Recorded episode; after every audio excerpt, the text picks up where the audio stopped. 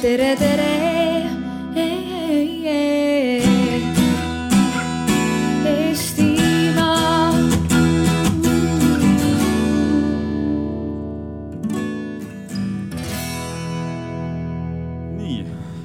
Hakkame siis tasapisi pihta. kuna teadusala on üsna raske leida, me oleme siin augus, siis äh, eks inimesed tilguvad juurde, aga me hakkame vaikselt äh, tuure üles võtma.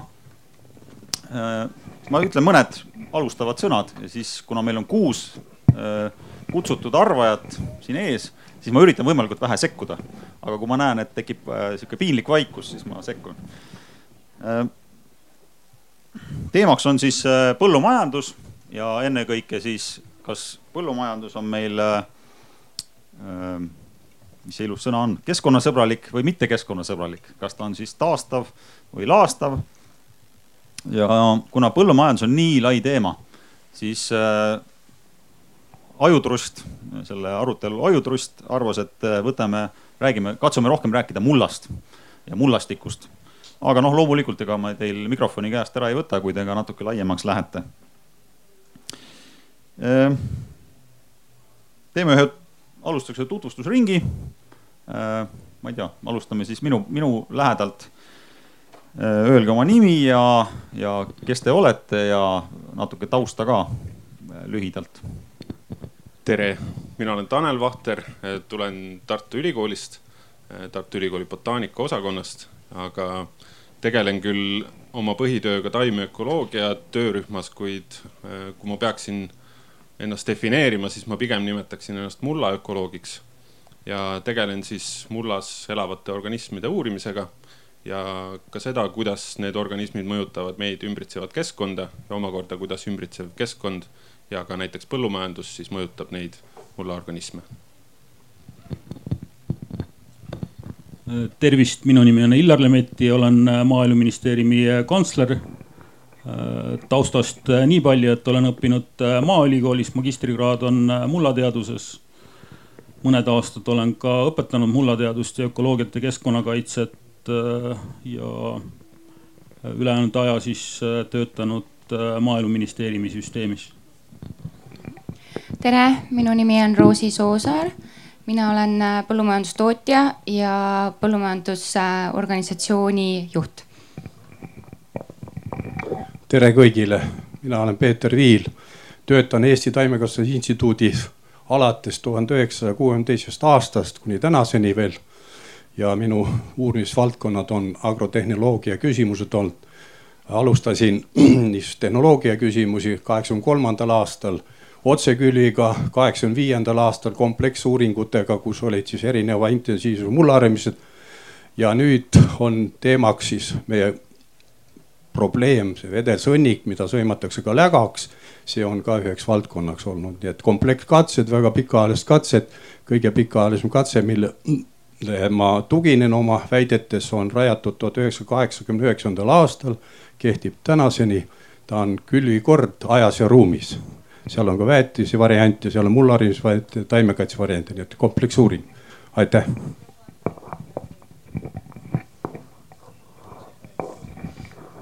tervist, äh, minu nimi on Marko Mäll.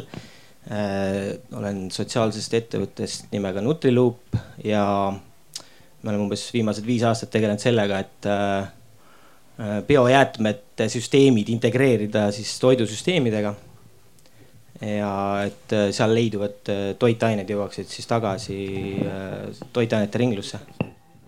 minu nimi on Margus S. olen tegelenud põllumajandusega ka päris mitu aastat ja viimased aastad ainult maheviljelusega. hetkel seotud ühe europrojektiga innovatsiooni alal, kus me töötame välja kestlikku mahetehnoloogiat. väga tore, et äh, mina olen siis Andi Hektor, mina olen lihtsalt moderaator siin, ma üritan võimalikult vähe vestlusse sekkuda. aga ma võib-olla, et algul jutt veerema läheks paremini, siis mõned äh, rumalad küsimused ikka küsin.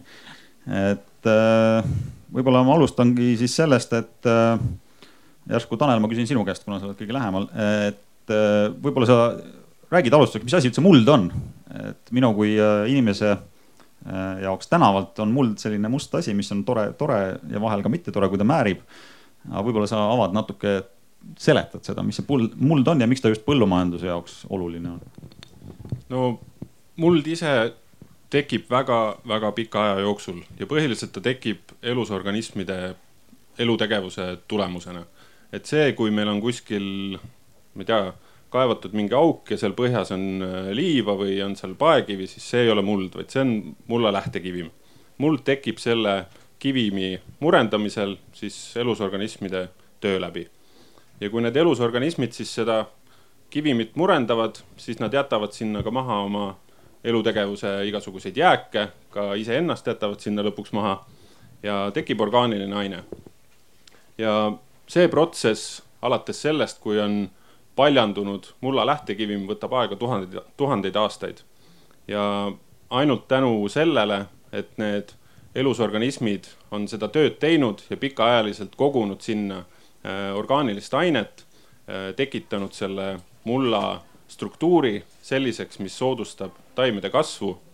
Äh, ainult tänu sellele saame me rääkida ka põllumajandusest.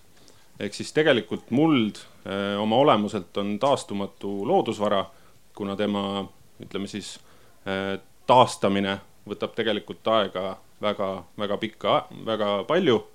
ehk siis põhimõtteliselt see ei ole mõõdetav meie elueaga ning seetõttu peaks väga hoolikalt ka mõtlema ja sellega ringi käima. aitäh. Peeter, järsku sina tahad lisada veel midagi mulla kohta? ma kuulaks hea meelega praegu olgu, kui midagi äh, pakilist ei olnud, siis äh, võib-olla lähme natukene edasi. et äh,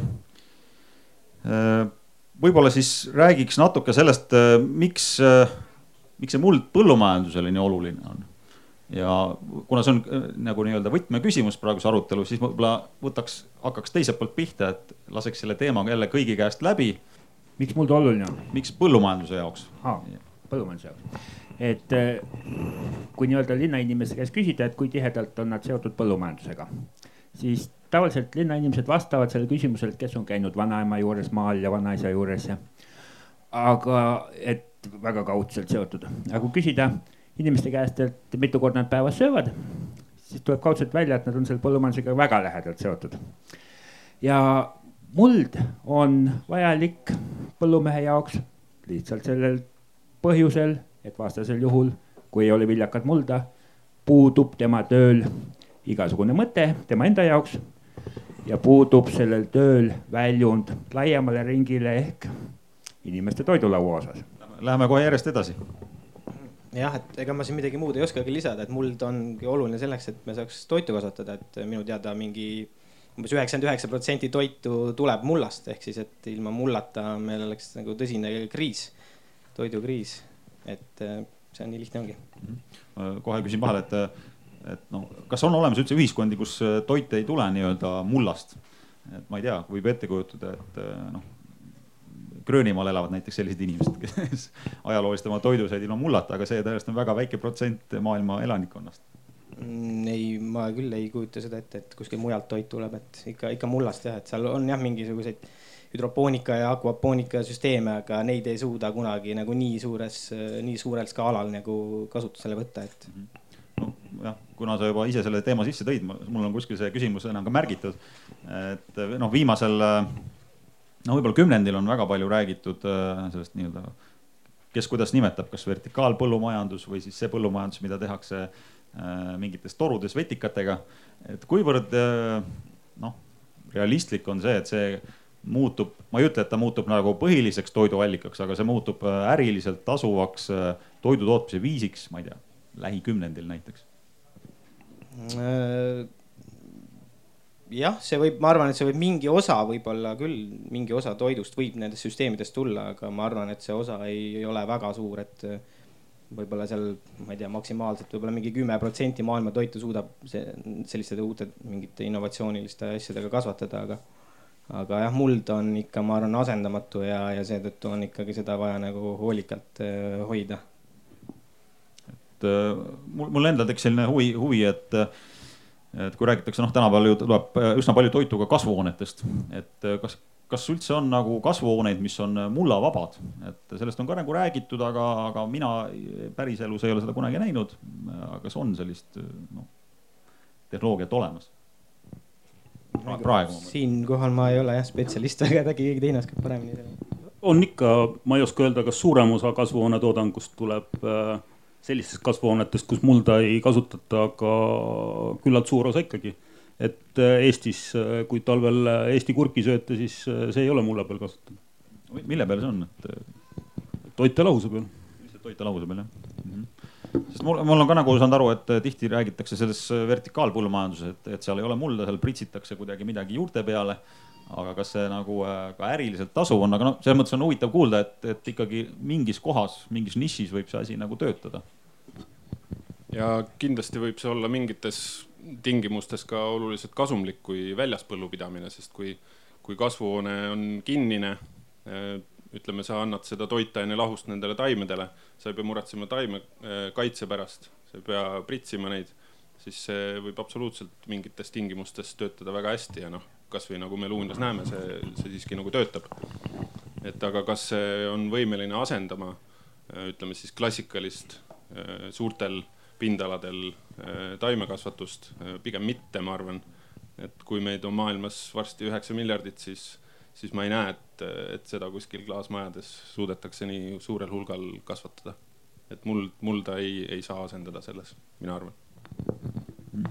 Peeter, ma nägin, sa võtsid mikrofoni. Äh, tuleme tagasi selle mulla juurde. muld on taimekasvatuse tootmise vundament. Eestimaal on väga erinevad need vundamendid. Äh, kõik ei ole võrdse niisuguse potentsiaaliga, et seal taime suuri saake kasvatada, aga sellele mullale iseloomulikke või optimaalseid saake on võimalik saada. see on nagu pank. Need erinevad pangad, erinevatest pankadest saab ka siis, nii et selles mõttes see hüdropoonika ja need asjad, noh, need on niimoodi võib-olla mingid sähvatused, sest seal on väga kulukas, tuleb seda kliima asja hoida stabiilsena, selleks on vaja kulutusi teha niimoodi ja muud asjad, nii et nii et äh, mullaga seda võrrelda ei saa ja selle osatähtsus võib olla no väga kaheldav, et ta katab kogu toiduvajaduse ära. põhitoit ikka tuleb mullast, mulla peal kasvatamisest ja oskustest, kuidas seal kasvatada, kui sõbralikult seda teha, et see muld püsiks ka aastaid niisuguse potentsiaaliga, et ta tagaks meile vajaliku toidu. Äh, ma kohe küsin siis äh, võib-olla praktiku, küsi-, praktikult, et kuivõrd, Roosi, kuivõrd ütleme sellisele igapäeva põllundusega tegelevale inimesele, kui palju sa mõtled mulla peale? kogu aeg see on nagu, kuna ma juhin ka sellist põllumajandusorganisatsiooni, mis tegeleb mullakaitsega, siis äh, see ongi minu, reaalselt minu igapäevane töö ja ka põl põllumehena tegelikult see ongi üks äh, põhiline mõte. aga siin Peetri selle mõtte jätkuks ma tegelikult ütleksin seda, et äh, tema ütles, et peab oskama neid muldasid äh, kasutada ja nende peal kasvatada, et ma lihtsalt siia ääremärkusena ütlen, et äh, et, et just see konkreetse mulla nii-öelda kasutamine eeldabki see teadmisi selle konkreetse mulla kohta, et me oleme siin nagu praegu rääkinud üldiselt mullast, aga ka Eesti lõikes mullad on väga erinevad ja iga põllumajandustootja peabki teadma oma mulla kohta. et, äh, et noh et see on selleks, et teha siis neid õigeid otsuseid ja, ja siinkohas, äh, kui me räägime üldiselt sellest mullast, siis nagu konkreetselt minu kui põllumajandustootja jaoks teadmine keskmisest Eesti mullast ei anna igapäevaselt tegelikult midagi. et mina pean teadma oma muldasid et äh, mul, isegi Eesti, mis on väike maa ju tegelikult, äh, mullastik on piisavalt erinev, et, et iga põllumees peab nii-öelda oma, oma mulda tundma. aga kuivõrd sea-, noh, kõrvaltvaatajana nii-öelda vaadates teisi põllupidajaid kuivõrd seal sa näed seda mulla, mullaga tegelemist, palju need inimesed teavad mullast? Äh, nagu ma juba tutvustades ütlesin, siis ma juhingi organisatsiooni, mis tegelebki mullaga. ma ei kahtle kus mul ongi liikmed, ongi põllumajandustootjad, aga kui nüüd üldine küsimus on see, et palju põllumees vaatab, mida naaber teeb ja mida naaber teeb mullaga, siis kogu aeg. seda on hea teada no minul on nagu silma jäänud selline tendents, ma ei tea, te võib-olla oskate kommenteerida seda, et noh, minu vanemad elasid Kambjas või noh, üks elab siiamaani. ja noh, ma näen selles piirkonnas seda, kuidas selles piirkonnas põllud suurenevad, et vanasti olid põldude vahel, ütleme sellised, põldude sees olid kuivenduskraavid, need aeti mingi hetk kinni, pandi torud tõenäoliselt või ei olnud vaja neid tehti tohutult suureks põllulapid ja samal ajal, kui ma noh, mul äh, palju sugulasi elab ka seal äh, Võru kandis ja noh, nii-öelda ääremaal ja seal põllud kaovad ära. Et mida noh, et tendents on selline, et põllud nagu koonduvad ka Eesti sees kokku mm, selliseks väga suurteks põllulappideks, mida noh, tõenäoliselt ei halda enam üksik põllumees, vaid juba firmad. et kas see on noh, põllu, ütleme muldadele ohtlik tendents või, või ei ole? minu, minu käest. alustame, sinust. et kas see on muldadele ohtlik, kas on väiksed põllud või suured põllud? Noh, mulle tundub, et, et seal nagu ei ole, et see ei ole see mulla teema küsimus, et see põllu suurus, pigem on selle mulla kasutamine. On, on oluline, et ma ei tea, kas sa tahad, ma lähen süvitsi juba natuke teemasse või anname teistele ka mine natuke süvitsi. mine natuke süvitsi. jah, et just need äh, mulla harimise tehnoloogiad, agro, agrotehnoloogia ja kõik see, see haljasväetiste ja orgaaniliste väetiste kasutamine ja, ja ka mulla, see oma, noh, jällegi ma jõuan sinna, et see oma mulla tundmine, et kuidas täpselt selle konkreetse mullaga tuleb ümber käia selleks, et see oleks hästi majandatud mm. -hmm. ma nägin, Tanel läks rahutuks siin kõrval. no ütleme, et ökoloogina ma pigem natukene vaidleks sellele vastu, et äh, põllu suuruse suurenemisega kindlasti väheneb selle, ütleme, loodusliku, looduslike alade äh, hulk selle põllu, äh, ütleme siis vahetus läheduses või sees. ja mida see tähendab tegelikult, et kui me vaatame ainult mulla agrokeemilisi parameetreid, siis kindlasti noh, ütleme, palju ta sisaldab toitaineid fosforiku, fosforit, lämmastikku, võib-olla kaaliumi, siis seal annab asja nagu kontrolli all hoida äh, kunstliku, noh, ärme ütle kunstliku, ütleme väetamisega. aga kui me mõtleme näiteks mulla elustiku peale, siis kui seal põllu sees äh, see elustik hakkab põllu harimise tulemusena vaesuma, siis need lähedal olevad alad, kus see elu saaks jälle sinna mulla peale tulla, jäävad väga kaugele. ja siis ikkagi tekib teatud Äh, vaesumine, mis pikas perspektiivis äh, võib olla kahjulik. et tegelikult meil ei ole väga selgeid andmeid selle kohta, kuid äh, tendentse on siiski näidatud. et Eesti mõistes ka jah, ma olen nõus sellega, mis Andi enne mainis, et teatud piirkondades põllud pigem lähevad kasutusest välja ning Eesti suuremates põllumajanduspiirkondades Järvamaal, Lääne-Virumaal, ka Jõgevamaa ja Tartumaa pigem need põllud lähevad suuremaks. et siin hiljuti äh, tegime mõned äh, kartograafilised arvutused ja leidsime, et äh, Eesti suurimad põllud tegelikult on ligi seitsmesaja hektari suurused. mis tähendab, et meie võtsime oma arvutusse põllud, mille omavaheline vahe on väiksem kui viis meetrit. see tähendab, et kui nüüd nende vahe oli väiksem kui viis meetrit, siis me arvutasime, et see on üks ja sama põld ja selle tulemusena selguski, et suurimad põllualad on üle seitsmesaja hektari suured. et äh, selle suure ala sees on küllalt juba keeruline erinevatel organismidel jõuda sinna põld, põllumulla sisse, et siis äh, nii-öelda äh, natukene mm, äh, lüü-, tuua seda tasakaalu sinna mulda tagasi. aitäh ma nägin, et Peeter võttis mikrofoni kätte tekkis kohe üks küsimus, seesamane äh, seitsesada hektarit välja öeldud number. minu arust see metoodiliselt oli teil vale lähenemine. puutun kokku Eestimaa põllupidajatega väga tihedalt, kuna tootmistehnoloogilised katsed on nende juures ju kusagil kaks tuhat hektarit aastas. seal on kusagil suurimad põllud on sada, sada viiskümmend hektarit, mitte enam nii et metoodiliselt oleks sellele asjale tuleks teisiti läheneda ja ei saa alati öelda, et seesamane välja suurus mõjutab nüüd mullas olevat elustikku. ta mõjutab teatud elustiku niisugust noh tahku või kihti. aga et ja, absoluutselt kõiki neid eluvaldkondi moodus-, mõjutab see, sellega ma ei nõustu Äh, no mina, Illar, võib-olla sa oskad kommenteerida nagu riigi poolt vaadates, et ma kuskil nägin sellist numbrit, et Eest-, noh, seal jäädes selle teema juurde, et meil on üsna suured põllud tegelikult Eestis, mida me tihti, meil on kuidagi ajalooliselt selline tunne, et Eesti on kuidagi selline väike põllupidajate maa. aga mul jäi äh, kusagil statistikast silma, et Eesti, Euroopa Liidus Eesti on nagu põllu külviku suuruselt teisel kohal. ma ei, ma ei tea, kes see esikohal oli, ma ei pannud tähele. aga on, on, on see tõsi ja, ja võib-olla keegi tõlgib ära, mis see külvik on täpselt külvik on eestikeelne sõna, mis siin tõlkida. no mina, mina olen linn, nii linnainimene juba, et ma isegi täpselt ei tea. aga kui põldude suurust rääkida, siis loomulikult seal on erinevaid aspekte, et kui me räägime erinevate tootmistehnoloogiate kasutamisest, siis mida suurem põld, seda lihtsam, lihtsam kasutada, seda võimsamat tehnikat on võimalik kasutada. aga kui me elurikkusest räägime mitte ainult või võib-olla isegi mitte eelkõige mullaelustikust, aga kui me räägime põllulindudest, kui me räägime putukatest, siis vaieldamatult kõik vaheribad Äh, taimesaared sellised, kus on looduslik taimestik, kõik aitavad kaasa sellele, et elurikkust oleks ka põllumajandusmaastikust rohkem, nii et kuskil on tasakaal. Aga on, on see nagu sinu nägemuses kuidagi paigast ära läinud, et kas meie külvikud on siis liiga suured või, või nad ei ole?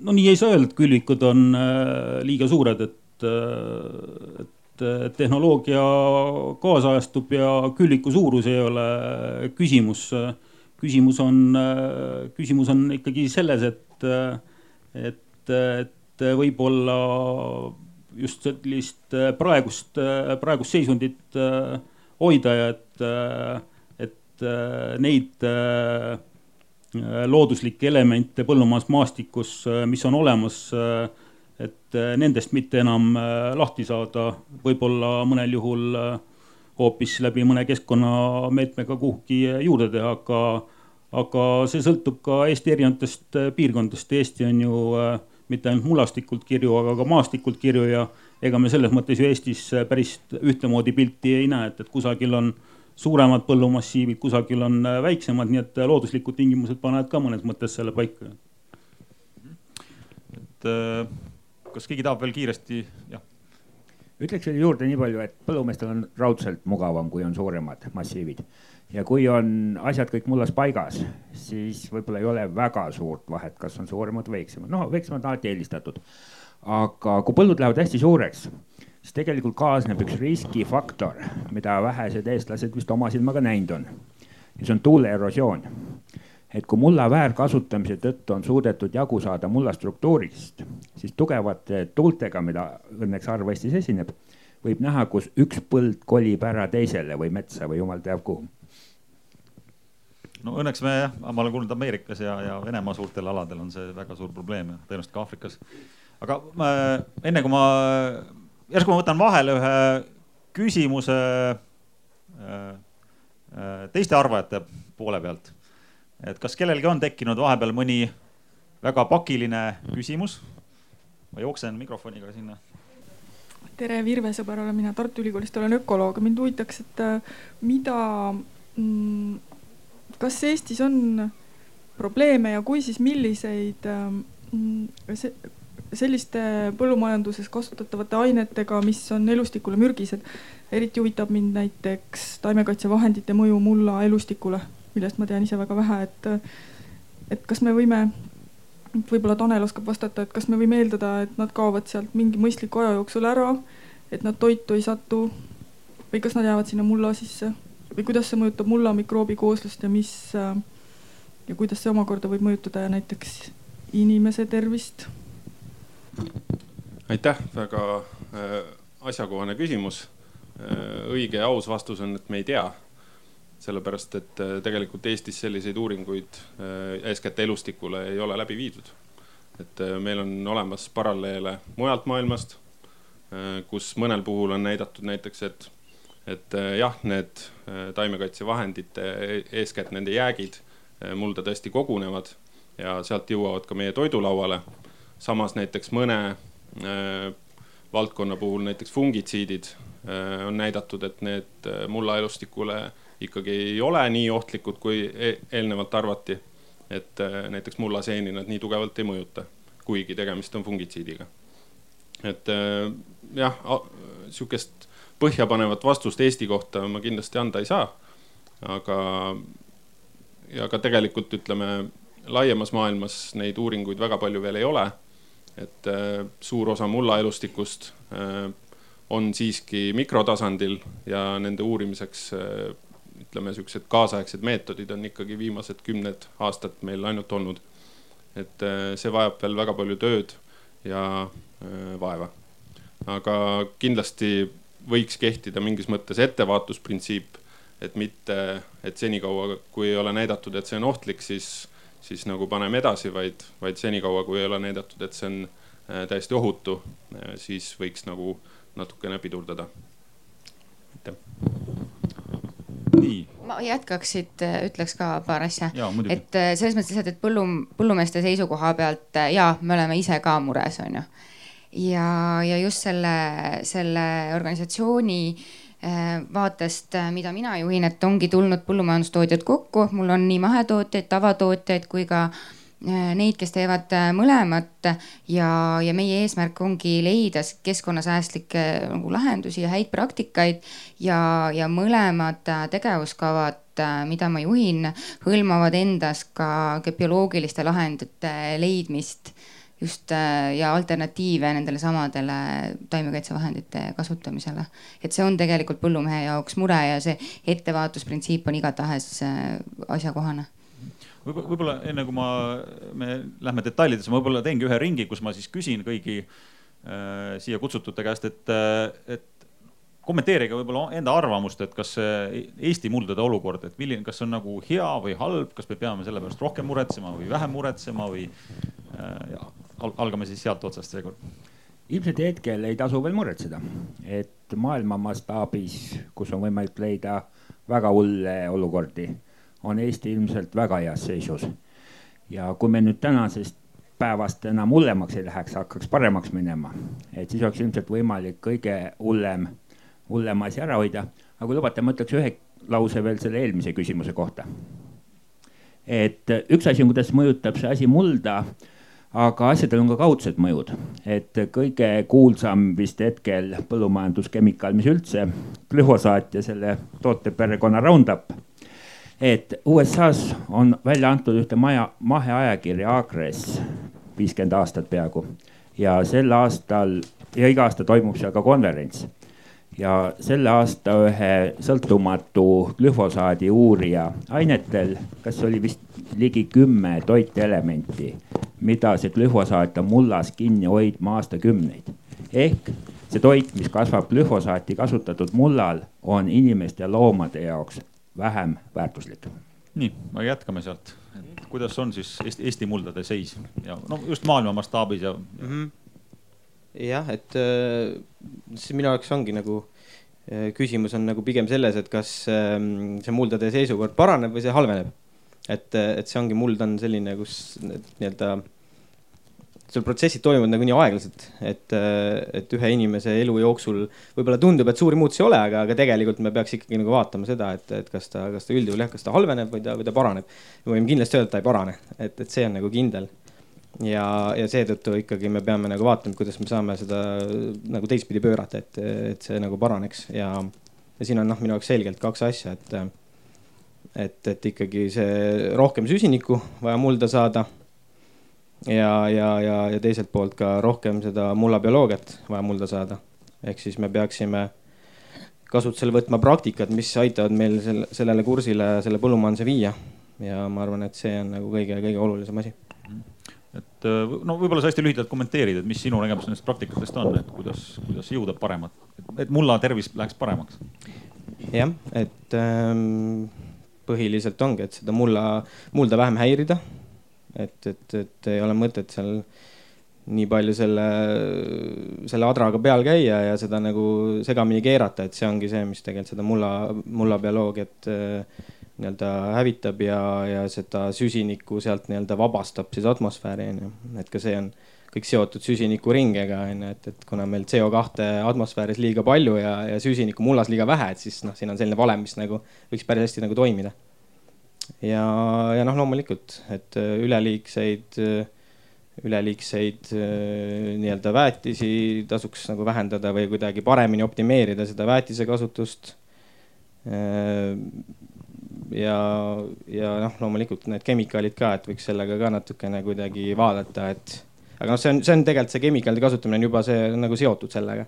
et kui sul mulla bioloogia on, on nagu paigas, süsinikku rohkem mullas, noh siis tegelikult sa ka vajad vähem neid äh, kemikaale, et, et seda, seda rada võiks nagu minna. nii, lähme järjest edasi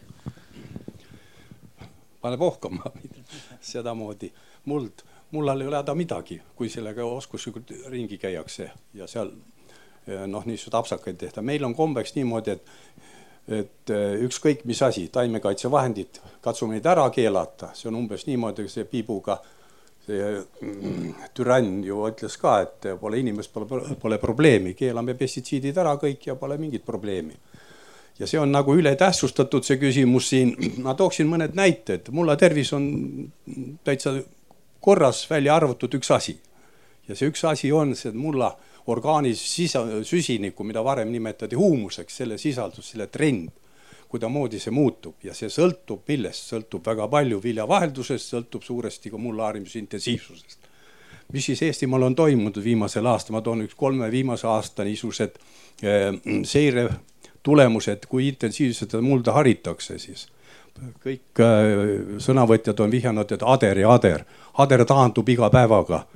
Ja praegu näiteks möödunud aastase seisuga võib öelda, et Eestimaal kuskil kuuskümmend, kuuskümmend viis protsenti hariti mulda mitte adraga, vaid hoopis teiste mullasõrvali peamate tehnoloogiatega.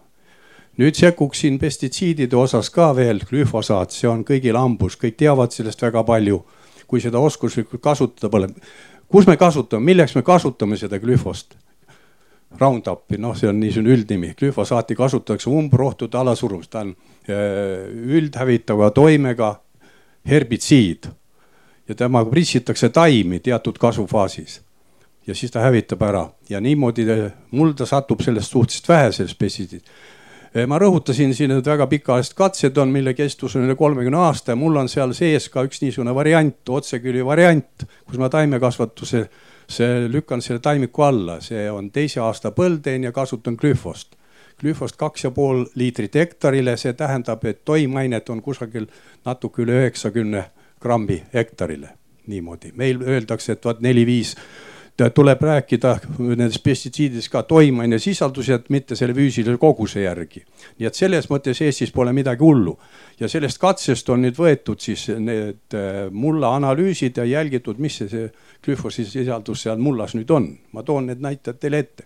kui ma augustikuus spritsisin kaks ja pool liitrit seda füüsilist kogust sinna peale, siis sügisel oktoobrikuus mullas oli alla null koma kümne milligrammi kilogrammi kohta, see on lubatud piires aasta pärast ei olnud sellest üldse, ei leitud jälgi ja neljandal-viiendal aastal ma kasutan külvikorras iga kuuenda aasta tagant seda glüfost, et suruda alla taime.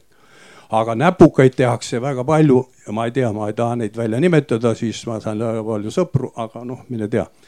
näpukaid tehakse glüfose kasutamisel, mis seal enne koristust pritsitakse glüfosega, see on saatanast niisugune, vaat seal jäävad taime juba jäägid niisugused asjad, et siin tuleks reguleerida ja seda oskusteavet jagada ja nad põllumeest ka harida selles valdkonnas. mullaharimise intensiivsus, kuidas ta mõjutab mulla elustikku väga suurel määral. Jälle nende pikaajalistele katsetele tuginedes, entomofaagid on ühed niisugused põllumehele sõbralikud ja kõikide teiste poolt ka aktsepteeritavad, kes söövad ka kahjulikku putru. näiteks mida vähem seda mulda harida, seda rohkem on entomofaage mullas.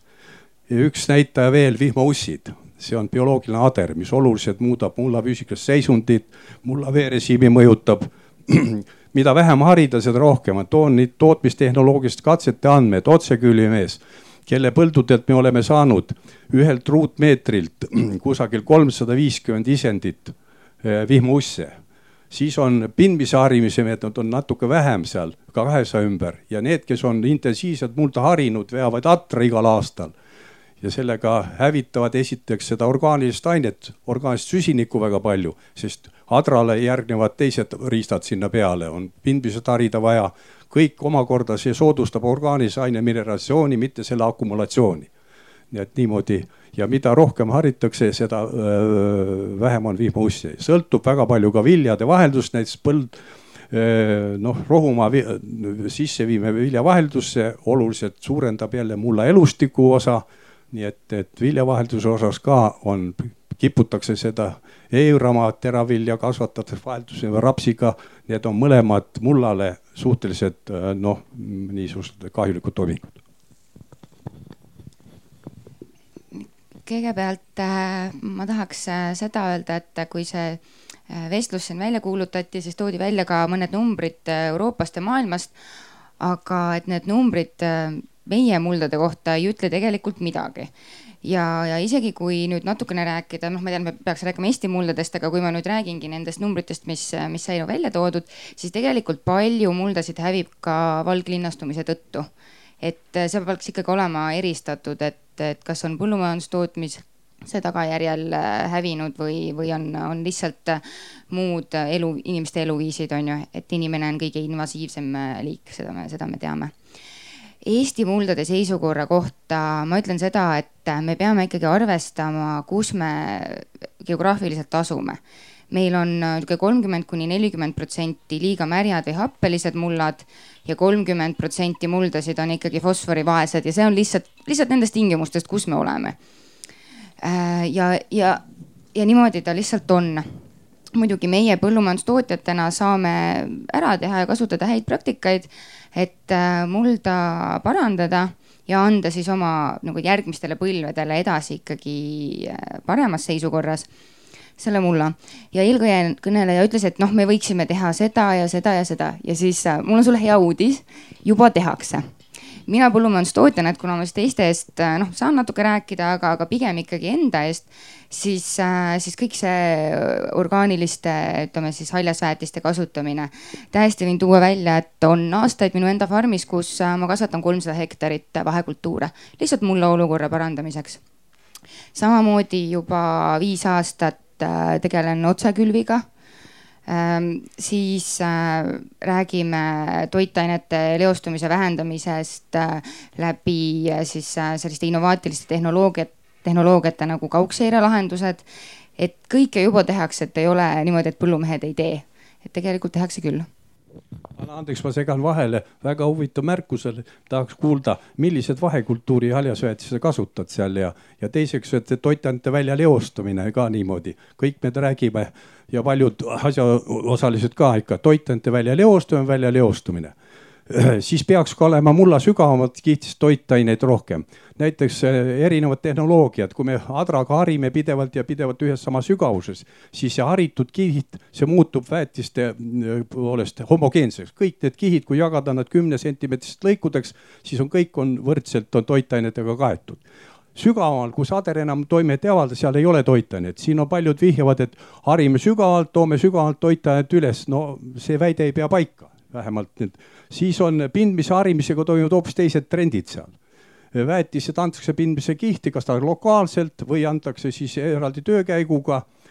seal toimub küll niisugune trend, et pindmised kihid, nende viljakus suureneb toitainete sisaldused, fosfor, kaalium, need põhilised elemendid, ka lämmastiku mitmed vormid. mida sügavamale läheb see harimete, need alumised kihid vaesustuvad, toimub niisugune öö, oluline muutus nii et niisugused äh, trendid on, nii et väet, harimine mõjutab oluliselt rohkem neid asju, neid väljaleostumisi kui mujal. siis on orgaaniliste väetiste kasutamine jälle suurepärane, aga kõigil see vahe puudub, siin tuleb rõhk pannagi siis viljavaheldusele teatud äh, haljas väetist kasutama või siis nõndanimetatud äh, püüdurkultuuride allaküll teraviljadele või siis kohalike väetiste, noh, praegu on ikka uued farmid tulevad, sealt tuleb vedelsõnnik ja nimetas küll lägaks seda, ma tahaks ühe paranduse teha, et läga on see, mille kuivane sisaldus alla viie protsendi, sõimame seda lägaks. aga kui on üle viie protsendi, see on juba vedelsõnnik niimoodi.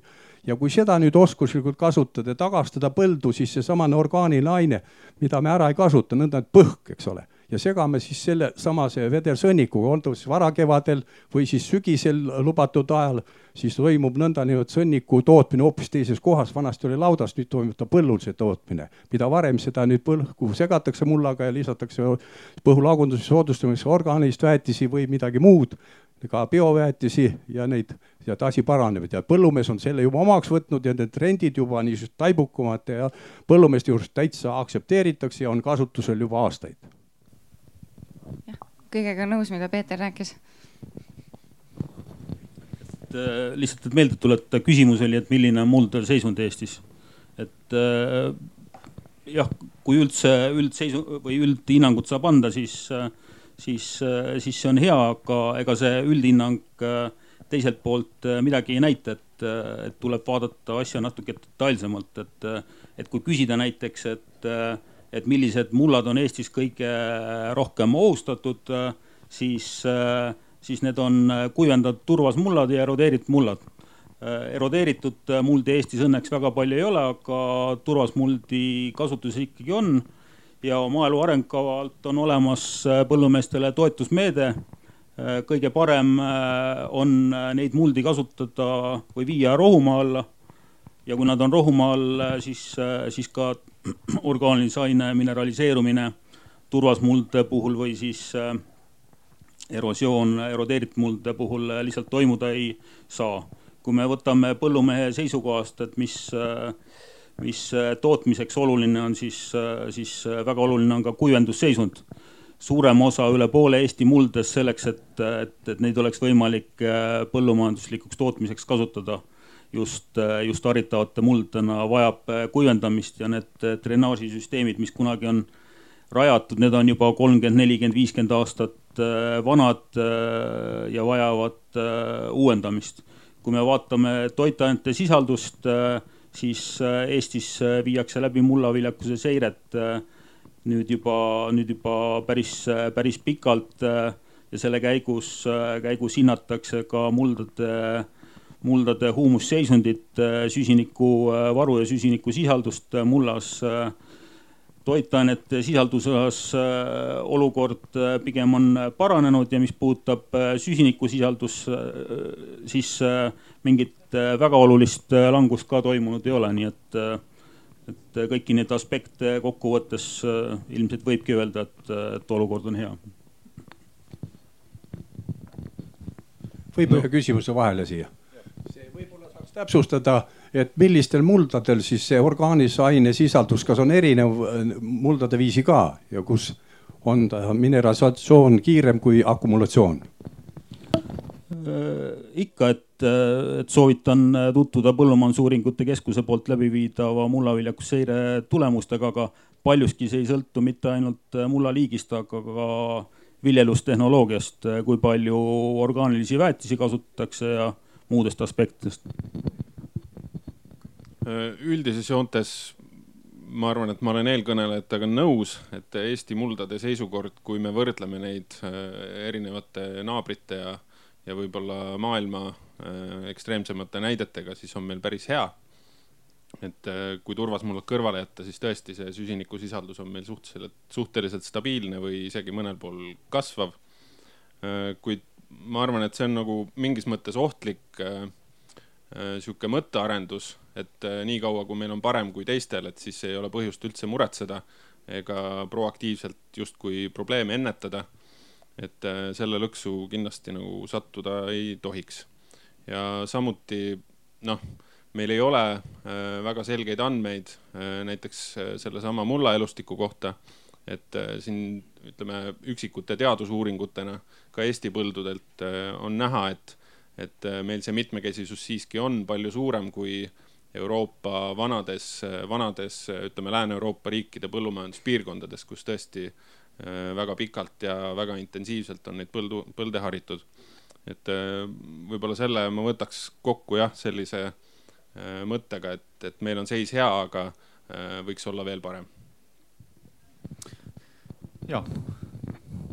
et, et siin äh, selles materjalis, mis, äh, mis taustaks tänasele arutelule oli ja siin äh, täna ka natuke on sarjatud nagu kündmist, aga ega kündmisel on ka palju erinevaid aspekte, et et esiteks muidugi tuleks jätta põllumehe otsustada, kuna on otsekülv otstarbekas, kuna kündmine, kuna nende kombinatsiooni kasutamine, aga kui me vaatame natuke laiemalt näiteks, näiteks kliimamuutuste kontekstis äh, kui me mõtleme kasvuhoonegaasidele, mõtleme CO2 kontsentratsiooni suuren-, suurenemisele, siis, siis muldi nähakse ühe võimaliku sellise reservuaarina, kus süsinikku hoida.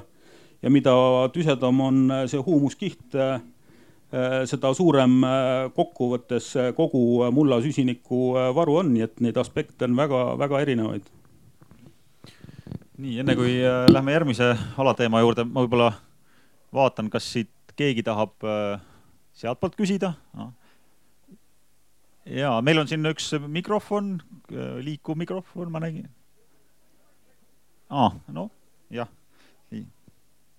mul on lihtsalt niisugune väga väike tagasihoidlik küsimus väikeaiapidaja seisukohast, et jäi kõrvu selline tore lause, et mida rohkem haritakse, seda vähem on vihmausse et mul kohe selline küsimus, et kas see puudutab ka koduaia harimist ja kas sellisel juhul näiteks oleks mõttekas ja vajalik sügisel maad kaevata või ei ole? väga hea praktiline küsimus. et kes, kes tahab kõige rohkem vastata no,, teeme nii, jah oh,. Oh. nii, et ma võin vastata, et äh, ei, ei ole vaja kaevata, kui see küsija on ei ole vaja kaevata, et see on nii, saime see... vastuse, et äh, kusjuures täitsa praktiline küsimus, sest mul on ka koduaed ja ma olen kogu aeg mõelnud selle peale ma... see.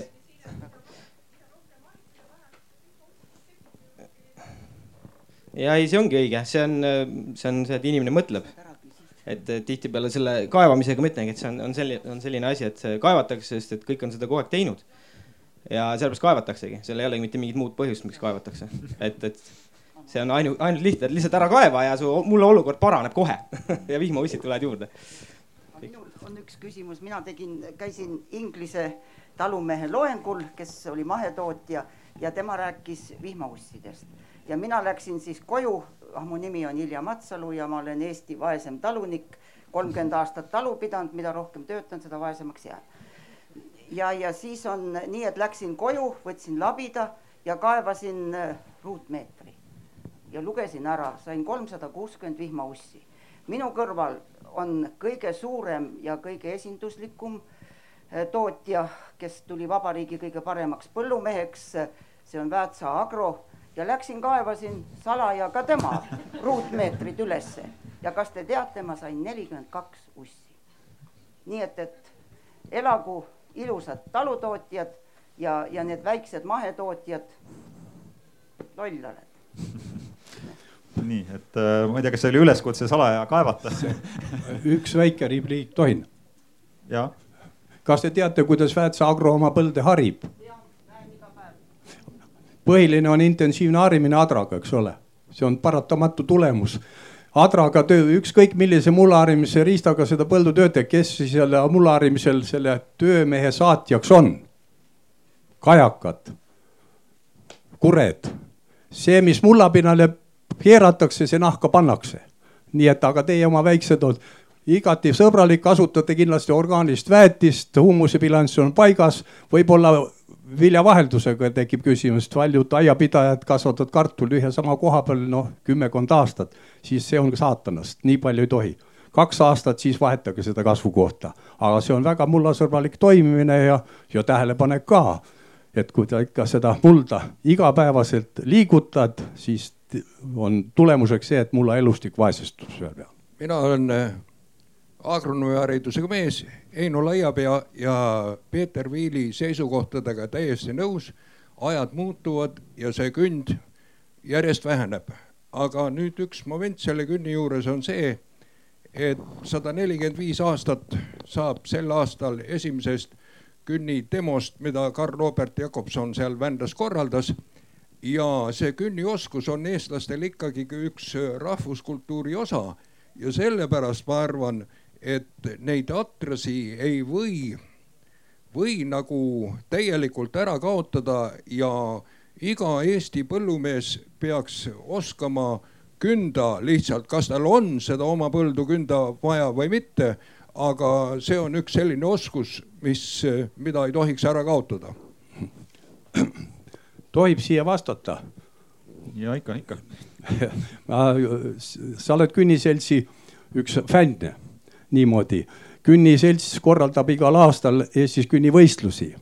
ütle, kes on seal künniplatsidel vaatajad, treenerid ja muud, aga kes õpetavad kündi, need on meie vipid, seal on väga palju rahvast, kes seda asja jälgib, see on ju komejant.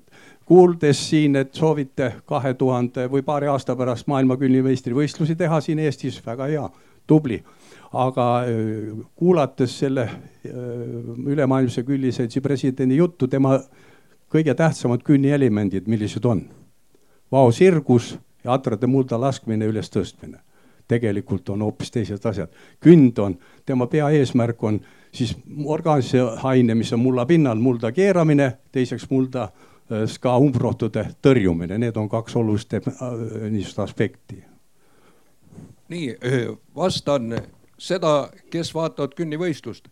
meistrite kündi vaatavad need pensionärid ja nende kündjate perekonnaliikmed. Aga milleks see vippide künd on toodud, vippide künd nüüd varjutab selle meistrite künni ära ja seda meistrite kündi ei lähe enam mitte keegi vaatama. Ja see vippide künd on lihtsalt nagu show, see on demo ja kõik kaameramehed lähevad nende vippide kündi vaatama ja kui see on tehtud, siis panevad kaamerad kinni ja lähevad ära kui oli esimene vippide künnivõistlus Olustveres, siis Õhtulehe ajakirjanikul oli keelatud päris kündjatega rääkida, vaid nad pidid ainult seda vippi tegema. aga see vipi värk on show ja seda ei oleks vaja. nii äh,, aga võib-olla lähme järgmise alateema juurde, et äh, kuna siin äh, ole kena, ära lõpeta veel ära paariks märkuseks künni kohta. Eh, niimoodi. siin oli jutt, et sunnitakse peale, et põllumees peab kündma, kes sunnib, kuskohast see mõte on tulnud. põllumees ise otsustab, mida ta teeb oma tehnoloogiaga, kas ta künnab või ei künna. Ja keegi ei ole sundinud ka seda ei teadusasutust ega uurijad ka, vaid on räägitud diferentseeritud mulla harimisest, see hõlmab kõiki asja, kui on vaja atra, tuleb atra anda. Kui saab ilma adrata hakkab, tuleb teem ja millisel juhul atra kasutada, need on kõik lahti räägitud, aga seda aktsepteeritud, see ei ole in praegu seda, et kuulata teadusasutuses kuulata, see on vähesed võimalusi, kus ma saan rahva ees niimoodi rääkida täitsa, et mul ei oleks seda aga ma, ma katkestan selle teema ära, et teil te,, te saate pärast, kui see põhiarutelu ära lõpeb, saate omavahel arutada. et meil on siin järjekorras mitu-mitu huvitavat teemat.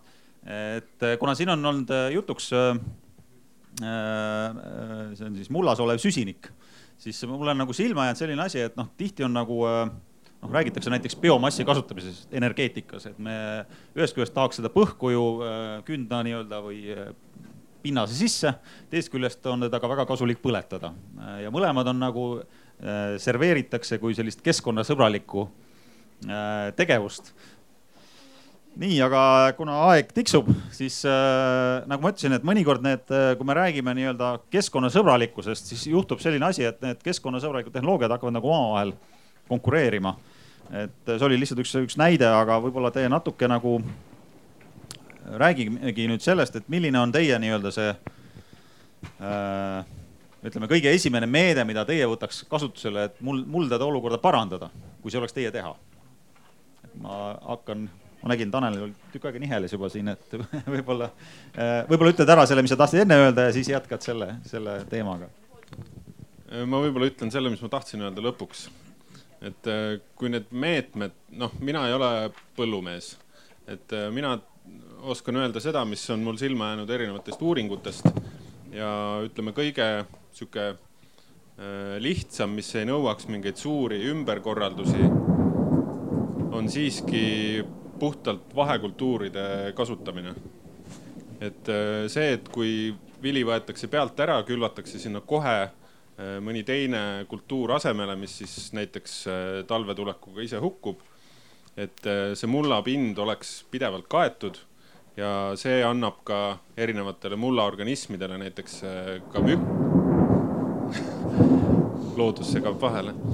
Ka mükoriisaseentele, kes on taimedele väga olulised partnerid, äh, neile siis selle peremehe, et äh, nii-öelda üle elada see aeg, kui seda kultuurtaime seal tegelikult peal ei ole. ja see siis kindlustab selle, et ka järgmisel kevadel on seal mullas neid organisme vähemalt sama palju kui eelmisel aastal et see on võib-olla sihuke lihtne ja mm, tehtav. Ja eks tegureid ole palju, aga minu arvates äh, üks nagu aluseid on see, et mulla huumusbilanss peab paigas olema, et äh, mulda peab jõudma piisavalt orgaanilist, äh, orgaanilist ainet, orgaaniline aine ühest otsast laguneb teiselt poolt teda peab mulda juurde viima, sellest sõltub kõik. mulla elustik, mulla struktuur mulla õhurežiim, mulla veerežiim, nii et seda, seda tuleb kõigil põllumeestel nii või teisiti silmas pidada. Aga kui sa nüüd, sina kui nimetame riigi esindaja, et kui on valida näiteks selline hetk, et kas, kas põhku põletada, et sellest soojust või energiat toota või, või kündada nii-öelda põllu sisse.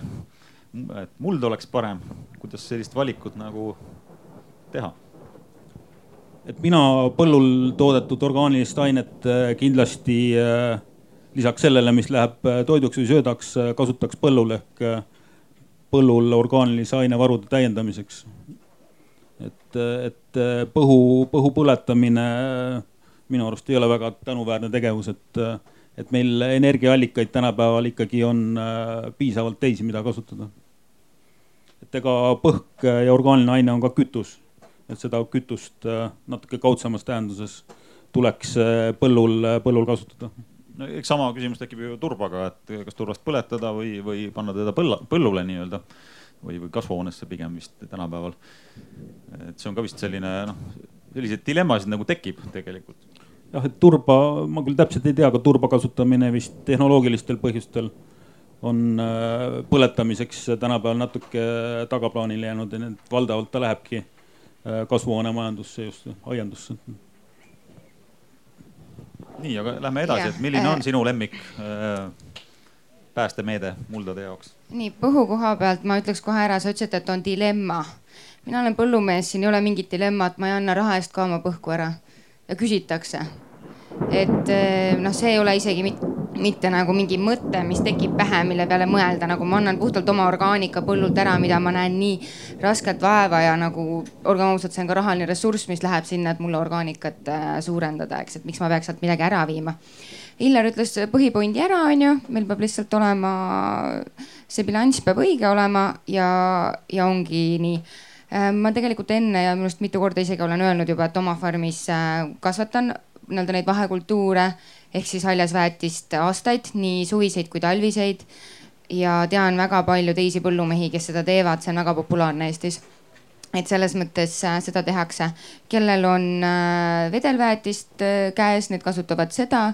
nüüd oma projektide raames, mida teeme, on see, et rikastame seda biosöega, et hoida neid toitaineid siis kauem taimedele kättesaadavad.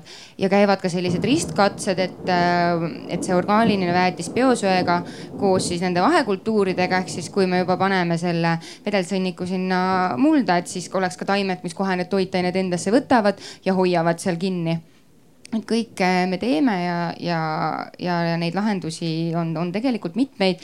aga siin ma tahaks nagu öelda ka seda, et üks küsimus, et, et noh, mis on enda lemmik või mis kõige rohkem meeldib. et, et iga tootja tegelikult leiab endale selle õige lahenduse ja see ei pea olema nii, et üks lahendus sobibki kõikidele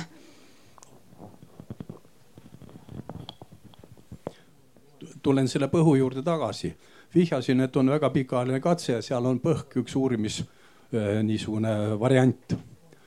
selles katses on üks variant, kus igal aastal viiakse põhk ära sellelt variandilt, tähendab koristatakse ära, siis üks variant, kus põhk tagastatakse.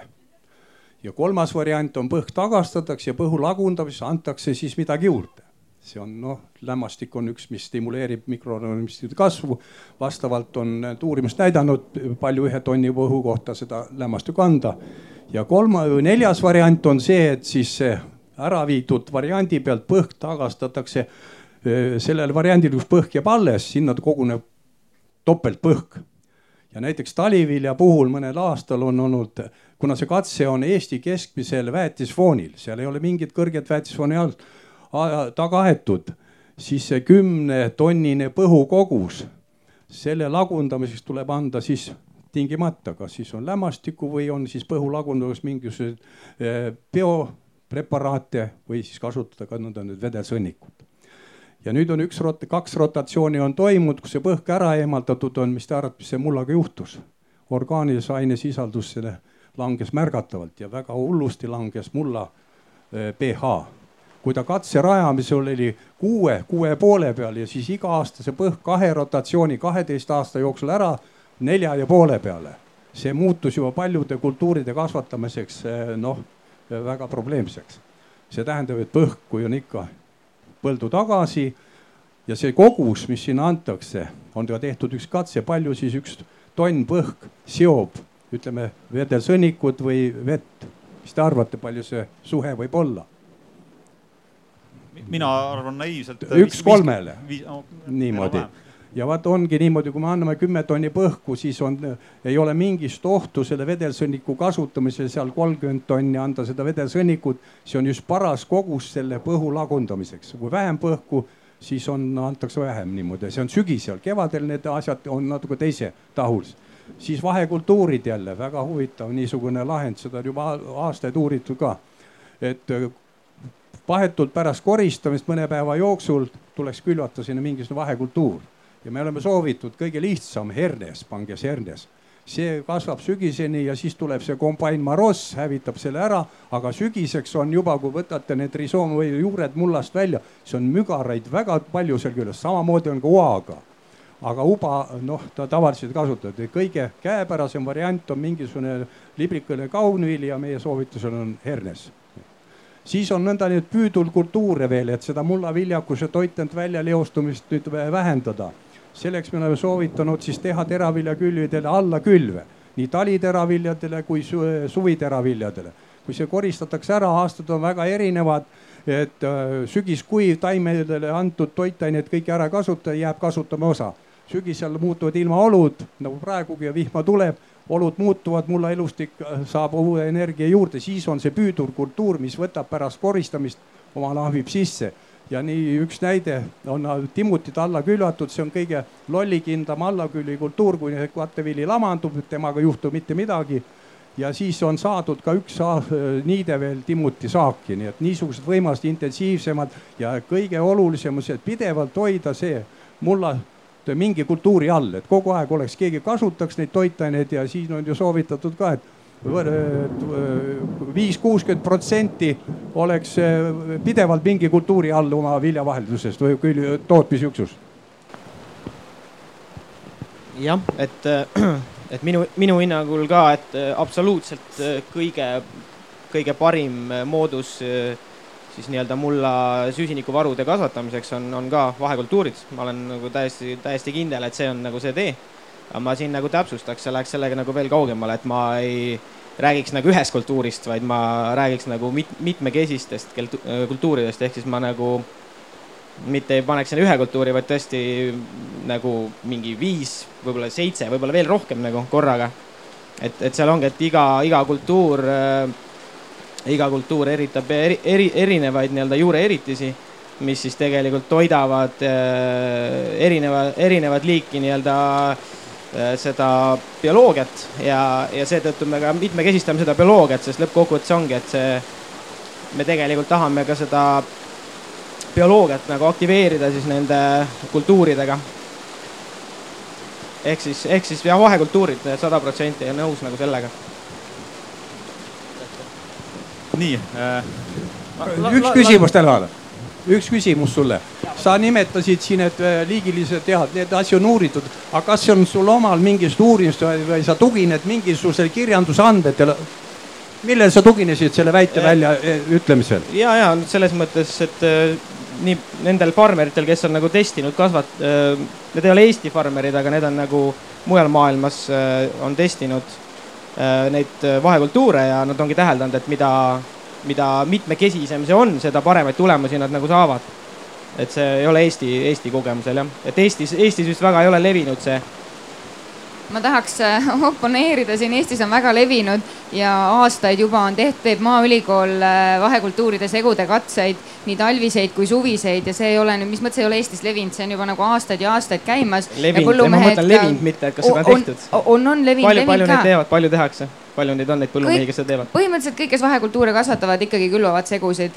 kuigi Eesti Maaülikooli uuring, mida on teinud Liina Talgre ja Enn Lauringson, nemad ikkagi leidsid, et kõige suurem mõju järelkultuurile oli mesikal mis on noh, aga, aga tegelikult on vahekultuurid väga populaarsed ja mina teen oma projektis neid ja Margus kohe räägib, et tema ka teeb ja need on väga populaarsed üle Eesti, et ei ole vaja üldse otsida välismaalt ka nagu teadusandmeid, et me teeme ja uuritakse ka. et äh, selleks lahenduseks, millest pihta hakata, võiks olla hakata tegelema maheviljelusega. mitte klassikalise maheviljelusega, et klassikaline maheviljelus tähendab seda, et külvatakse ja lõigatakse.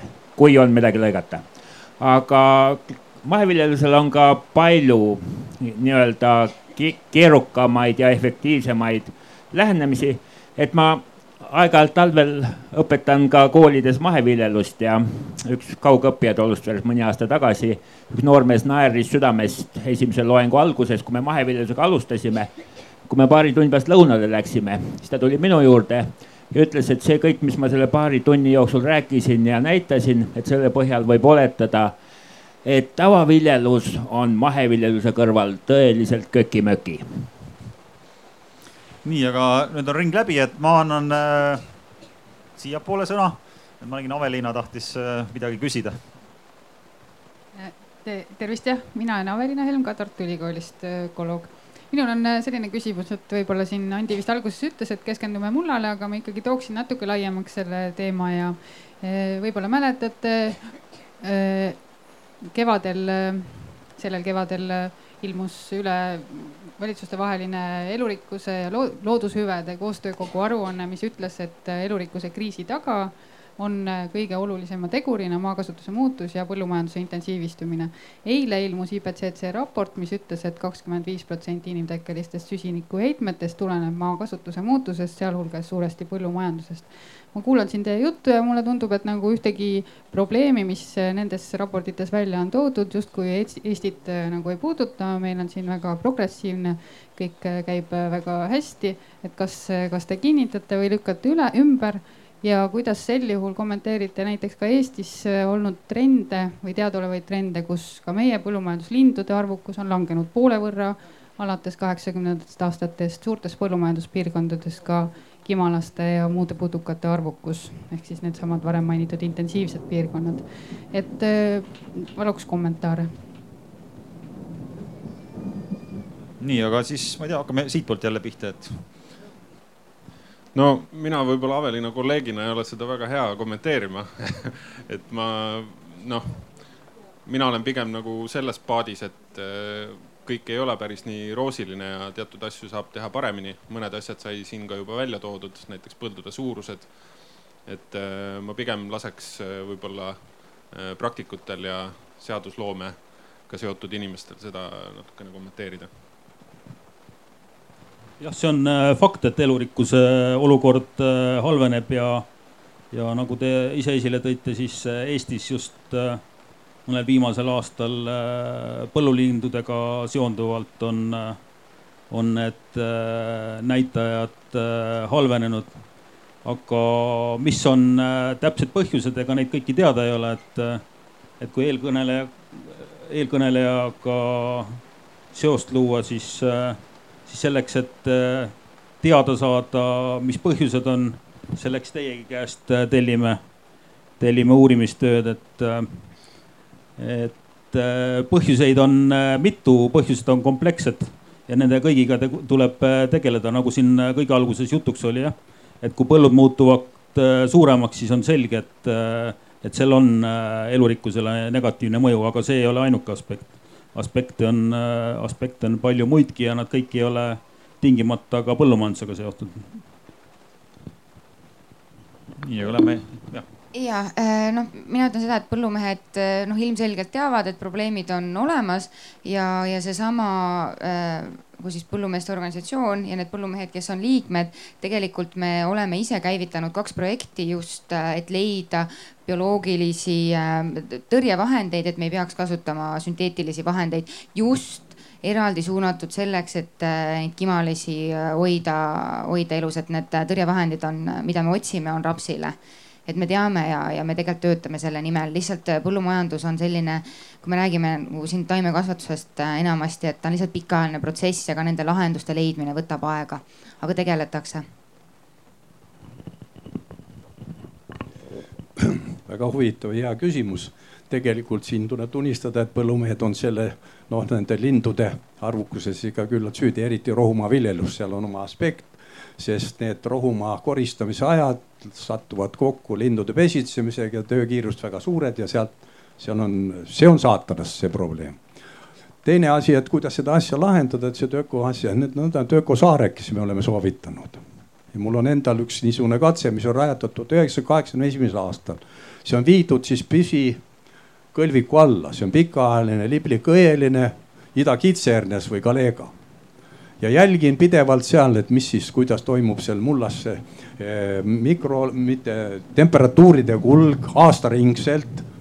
ei toimi, mina seal ei sekku üldse selle taimikusse ja jälgin, kes seda kasutavad, seda ökosaarekest nüüd seal. väga huvitav pilt on näiteks nurmkana, kelle elutingimused on mitmel aastal. nurmkana leiab, et see ökosaarekel on temal sobilik koht pesakurna rajada niimoodi, selline teine asi, mis ökosaarekene on ka pikast liblikõest alla viia, tema akumuleerib noh, ühesõnaga seob seda lämmastikku väga palju ja kui võrrelda nüüd tavamuldi, kus on siis lämmastiku üldsisaldus null koma kolmteist, null koma viisteist protsenti.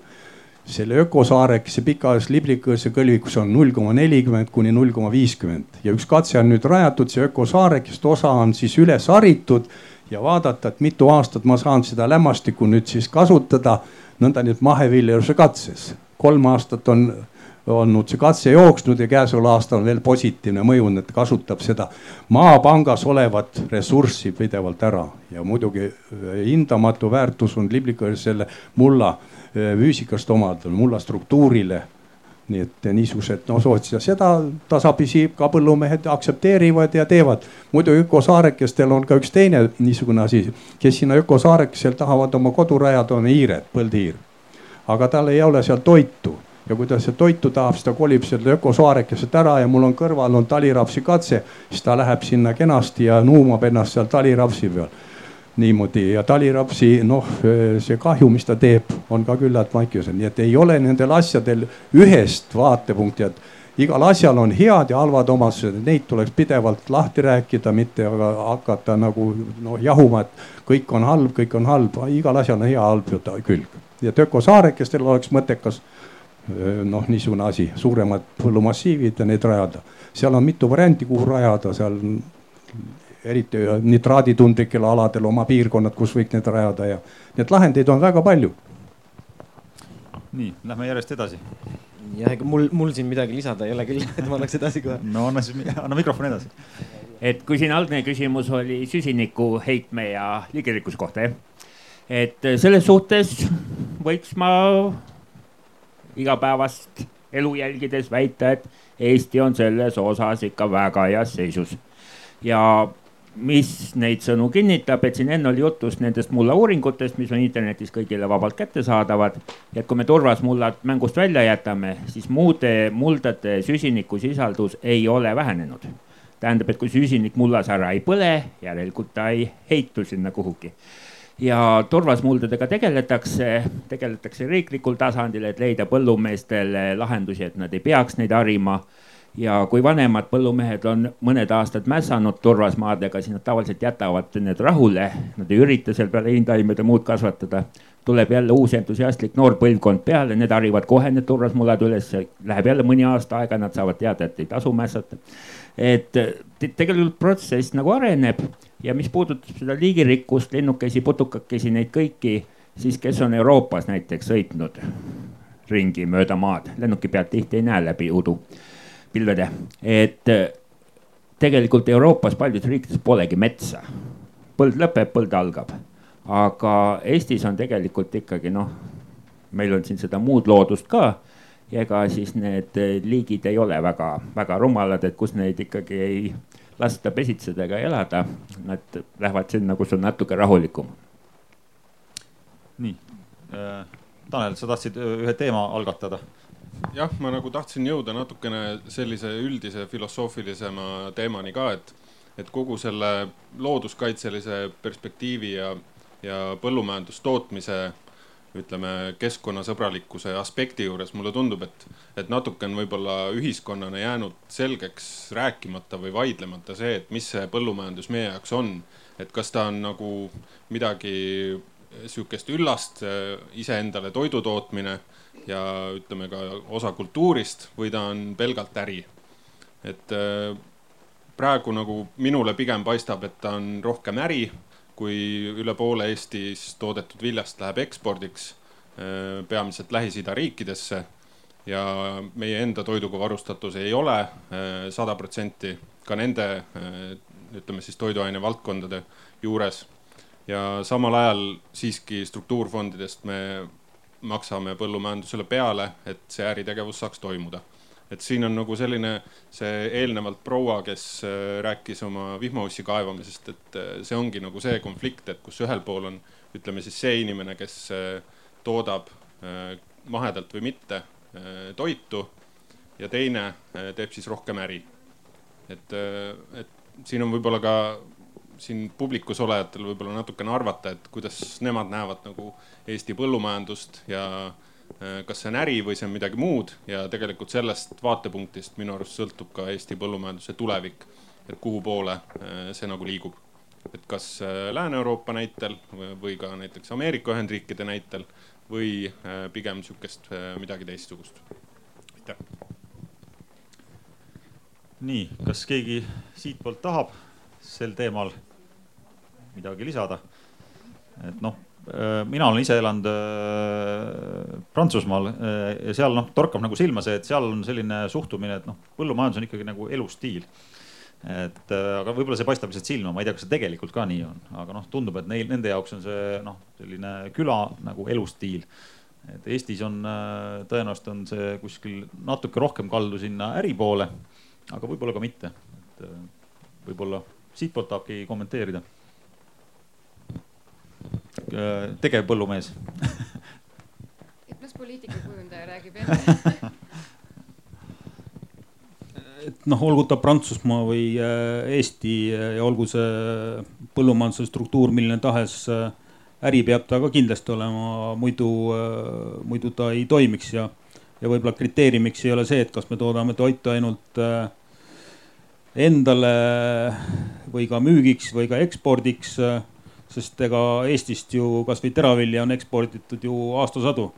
et äh, sellel on äh, natuke muud põhjused, et kui on tobi, sobiv tootmiskeskkond, äh, on piisavalt toodangut, siis, siis ka, siis ka eksporditakse, aga aga kui toidutootmist natuke laiemalt võtta, et mitte ainult põllumajandus, aga toidutööstus juurde, siis ma arvan, et ikkagi, ikkagi ta meil, nii nagu ta oli varasematel perioodidel on praegu ka ikkagi äh, osa nagu riigi identiteedist, et on, et on maailmas küllalt riike, kus toidu tootmine ei ole sellisel, sellisel kohal kunagi, äh, kunagi olnud ja ei ole ka praegu. nii et vaatamata sellele, et, äh, et meil sellist elustiili poolt on vähemaks jäänud, minu arust on ikkagi midagi laiemat kui lihtsalt, lihtsalt lihtsalt äri. toidu tootmine iseenesest minu arust ei saa olla lihtsalt, lihtsalt äri, et kõik, mis sellega kaasneb, olulisus, kõik see on hoopis laiem pilt nagu. nii, kas keegi tahab veel kommenteerida? noh, mina siis kui põllumajandustootjana, siis noh, paratamatult ta ikkagi selles mõttes peab äri olema, kuna raha on, raha on ju seotud kohustused, on pangalaenud, on, mida ma pean iga kuu maksma. aga see kuidagi vastandumine, noh, minu arvates ka võib-olla ei olegi õige, et kas äri ei saa olla eetiline või, või keskkonnasõbralik või kuidagi selline, selline sustainable, et äh, ikka saab ja see on iga põllumajandustootja nagu see selline individuaalne vastutus, mina näen, et äh, mina vastutan selle eest, kuidas mina enda põldu harin. ja äri kõrval siis saan teha seda keskkonnasõbralikult jah, ma arvan, et äh, kahtlemata äri saab olla vastutustundlik, aga siis on lihtsalt, mulle vähemalt tundub, et siis on see äh, reeglistik või selline mänguruum on hoopis midagi muud, kui sa tegelikult ikkagi oma äritegevuses võistled äh, maailma viljaturu hindadega, mitte ei justkui tooda noh, kohalikule tarbijale või lähikonna tarbijale siis seda toiduvilja. et ja ka need nii-öelda keskkonnakaitselised meetmed, et ma arvan, et oluliselt lihtsam on seda äh, kuidagi ühiskonna seest käima lükata äh, siis, kui äh, ütleme, selle toidu tarbija on siin kohapeal ja ka need keskkonnamõjud ju jäävad siia koha peale. et siis, kui me selle toodangu kõik ekspordime, siis on võib-olla raskem luua seda, seda motivatsiooni ja, ja turg, ütleme, ma arvan, et noh, ütleme, need Lähis-Ida riigid, kellele me seda söödavilja saadame, et, et ilmselt neid väga ei huvita, milliste keskkonnamõjudega seda Eestis toodetakse. põllumajandus, põllumajandus osa riigist, eks ole, kui me selle ära kaotame, siis riiki ka pole enam, me peame oma rahva toitma, eks ole, siis on ka vaja äri ajada, et oleks ka ressurssi, milleks riiki arendada, riigikaitselised küsimused, kui meil oma toitu ei ole, no siis me sõltume väga paljudest, nii et siin ei saagi teisiti mõelda, põllumajandus oli, on ja küllap ta jääb ka ja. aga kuidas ta jääb, see sõltub nüüd nende maa kasutajatest ja mm, poliitika kujundajatest väga palju. nii, kas sealt otsast tuleb sellele? kas on äri või ei ole? No ärid on kindlasti, aga kuidas see suhe, kuidas see balanss võiks olla selles? Äh, ma arvan, et täpselt sama joon läheb läbi nagu kogu ühiskonnaks, kelle jaoks on elu elustiil, kelle jaoks on elu äri.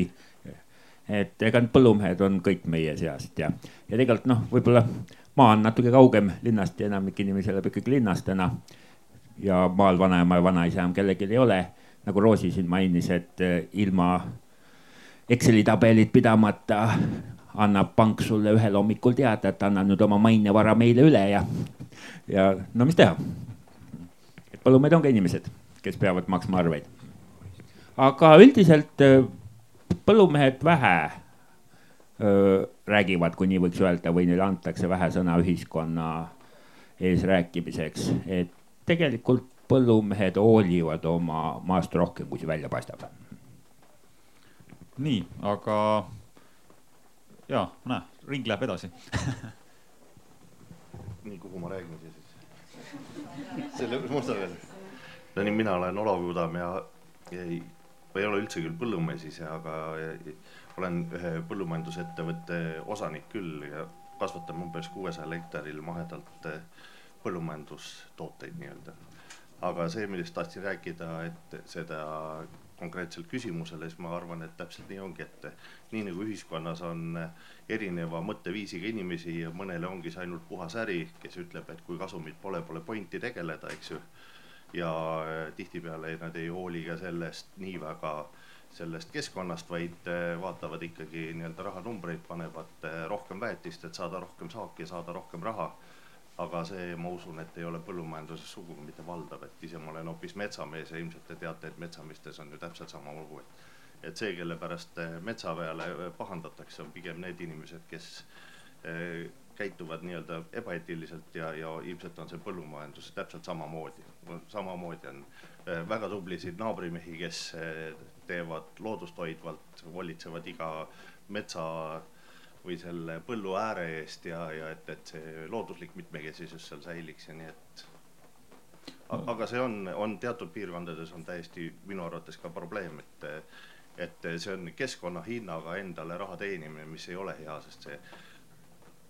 ja, ja kui veel mõelda metsanduse ja põllumajanduse vahekorda, siis täna kahjuks on ju niimoodi, et metsanduse nii-öelda tootlus hektaripõhine on täna suurem kui põllumajandus, mis ei peaks nii olema see, see on, eh, kui me võtame ära selle toetuse. toetustega koos põllumajandus toodab loomulikult rohkem, sellepärast et põllumajandusmaad on ka viljakamad ja paremini kasutatavad maad. metsa ju tehakse pigem seal, kus põldu ei saa teha. ma korraga, enne kui ma Avelile eh, annan kommentaariks sõna. Eh, kas metsamees ka muretseb mulla pärast? mul et kas sa, kas sa, kui, sa oled põllu, ütleme põlluharija, siis sa mõtled üsna palju ju mulla peale, et sa Nii. oma mulda hoiad. aga kui sa kasvatad nii-öelda metsa, et sul on, oletame, et sa omad väga suuri metsamassiive, kas siis, kas metsanduses ka mõeldakse, et ma pean kuidagi oma mulda eriliselt hoidma? Ja, ja tegelikult peaks ikka jah, peaks isegi veidi rohkem, kui me täna seda teeme. Metsamuldadel on ju ka eraldi spetsiaalsed uuringud, kuidas nende süsinikusisaldus on, mis muutub peale metsa maha raiumist selles mullas. Iseenesest on need, sisuliselt on bilanss on null, eks, et väga suurt emissiooni sealt ei teki, kuna metsas juhtub eh, uuesti taimkattega katmine hästi kiiresti ja ja, ja see seotakse uuesti kiiresti ära nii-öelda, et õhku väga palju sealt ikkagi teda ei pääse. kuigi metsamuldade kuivendamine vastavalt eh, ilmselt nagu seal küll turvasmuldadegi puhul, eks on, seal on väga intensiivne seetõttu on ka seda kuivendamist nagu oluliselt vähemaks tehtud nüüd ja ei soosita enam näiteks uute traavide kaevamine on ju keelatud ja nii edasi. aga see läheb nagu metsanduse teemadesse ka, kuigi muld on ju muld ja, ja metsandus ja põllumajandus on kõik üks paras maaviljelus, et ega lihtsalt erinevad perioodid, kui kaua metsa kasvatame, seal mõnikümmend aastat mõnel puhul. ja põllust saate ja igal aastal metsas ka akumuleerib kõik seesama, et aga mõneti on ju sarnane, sama maa peal kasutamine, samad ressursid tegelikult, vesi, muld. olgu, nii. Aitäh, mul on tegelikult vist natuke teine kommentaar, et aga see veidike üldisem, et et äh, on selge, et ühiskonnas on väga erinevat laadi ettevõtjaid ja ühed on eetilisemad võib-olla kui teised, eks ju. aga minu küsimus on hoopis, et milline võiks olla nagu riigi roll, et kõik võiksid mõelda selle üle, et milline on riigi roll siis selle äh, põllumajandus ja sellega seotud keskkonnapoliitika kujundamisel. et äh, kas riik äh, peaks määratlema mingisuguseid piire, et millistes keskkonna raamides me näiteks lubame põllumeestel üldse mängida, mis puudutab kasvõi mingite taimekaitsevahendite kasutamist või mida. ja siin ma, olekski mul küsimus äh, härra kantslerile näiteks äh, üks konkreetsem küsimus, et äh, kui me teame, et Eesti põhjavees on hästi palju glüfosaadi ainevahetuse jääke konkreetsemalt siis kolmekümnes protsendis ehk siis kolmandikus võetud proovidest kahe tuhande kuueteistkümnenda aasta põhjavee uuringust on äh, näidatud, et neid on, on piirnormi ületus isegi sellistel mürgistel ainetel. See nüüd haakub, Tanel, sinu selle mõttega ka, et noh, et millist põllumajanduspoliitikat siis Eesti riik võiks kujundada tulevikus. ma ootaksin siis natuke üldisemat, aga siis natuke konkreetsemat vastust minu küsimusele.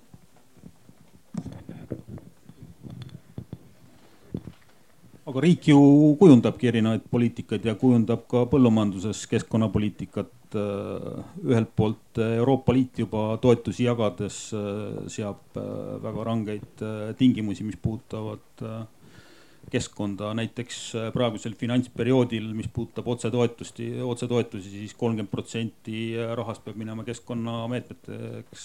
mitte peab minema, aga ongi mõeldud ja kui sa neid nõudeid ei täida, siis sa otsetoetust ei saa, samamoodi maaelu arengukava miljardist äh, kolmkümmend protsenti peab minema keskkonna, keskkonnameetmeteks. Äh, loomulikult seal on riigil natuke suurem roll, saab ise neid meetmeid äh, kujundada ja suurem osa põllumaast Eestis on kaetud erineva keskkonna, keskkonnameetmetega, kakskümmend protsenti on meil mahemaa-viljeluse all, aga ka muud põllumehed osalevad erinevates äh, keskkonnaskeemides, aga, aga loomulikult äh, kui põllumajandus on intensiivne, kui on tegemist kaitsmata põhjaveega aladega, siis, siis võib nii juhtuda, et, et põhjavette satuvadki, satuvadki ka taimekaitsevahendite jäägid ja loomulikult selle küsimusega peab tegelema, et, et sellest perioodist maaelu arengukava alt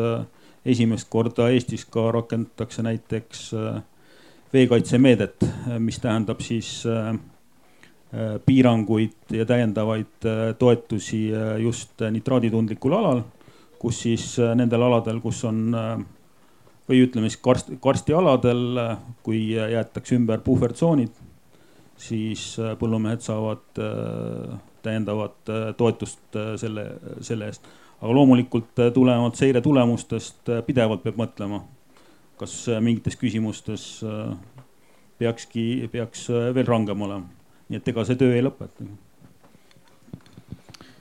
nii, kuna aeg on juba natuke üle, aga me ka alustasime natuke hiljem, siis äh, ma annan äh, võimaluse viimane küsimus, kommentaar, sõnavõtt. kes tahab selle teha nii, kuna ma ei näe kätemerd ah,. küsi-, mina küsiks edasi, et tihtipeale käsitletakse seda eh, tavapõllumajandus ja mahepõllumajandus, aga minu meelest on olnud niimoodi, et see, mida meie täna nimetame mahepõllumajanduseks, seda on napilt viljeletud sada või natukene kauem aastat, aga seda mahepõllumajandust on viljeletud aastatuhandeid, et kuidas te selle peale vaatate?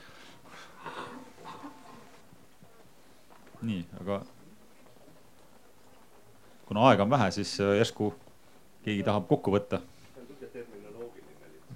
me võime muidugi teha ka nii, et äh, alati saab jätkata arutelu väiksemas ringis, mis tegelikult on Arvamusfestivali ka mõte, et, et iga arutelu kestaks edasi. nii, kuna ma ei näe ah,. et seda, mis on ühel või teisel ajahetkel äh, tavaline, seda nimetatakse sel ajahetkel tavaliseks, eks, et. et kuna viimastel aastakümnetel äh, tavapõllumajandus on tähendanud äh, intensiivsemat äh, mineraalväetiste kasutamist äh,, on tähendanud äh, taimekaitsevahendite kasutamist, siis seda on nimetatud tavapõllumajanduseks. ega muud ei olegi. loomulikult võiks äh, mitte nüüd ümber nimetada, aga äh, tavapõllumajandust me mahepõllumajanduseks nimetada ei saa, aga, aga selles mõttes, äh, mida te silmas pidasite, et, äh, et varasematel perioodidel see põllupidamise viis on mahepõllumajandusele sarnasem olnud. noh, seal ei olegi midagi diskuteerida, nii ongi olnud, eks. pigem, pigem ma mõtlesin seda, et mahepõllumajandust peetakse pigem nagu alternatiivpõllumajanduseks noh, mahtude, mahtude osas, eks ta praegu veel ole, eks. kui te lubate veel täienduseks üks lause, et Roosi, et äh, teil on valdavalt tavatootmine ja kas te oleks valmis ilma igasuguste teadmisteta üleöö muutuma mahetootjaks?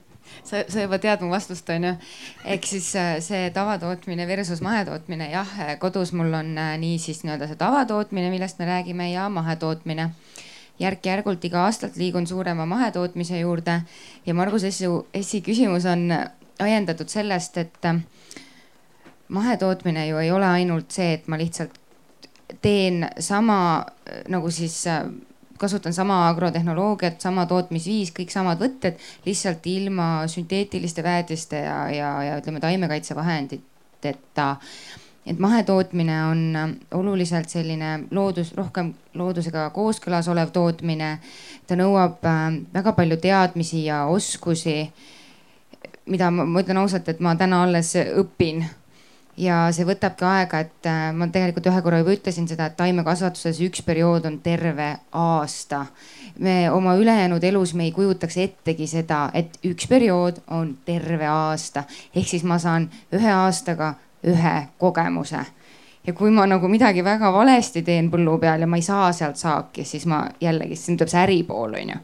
ma pean selle kuidagi kinni lihtsalt maksma muudest vahenditest.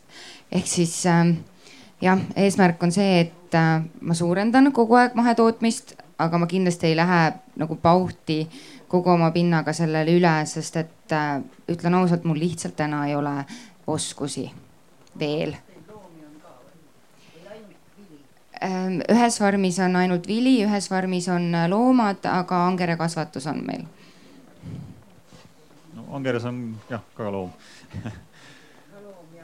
aga nüüd, nüüd ma pean kahjuks äh, väga huvitava koha peal katkestama, aga te võite kuskile puu alla minna, kus on natuke kuivem ja seal jätkata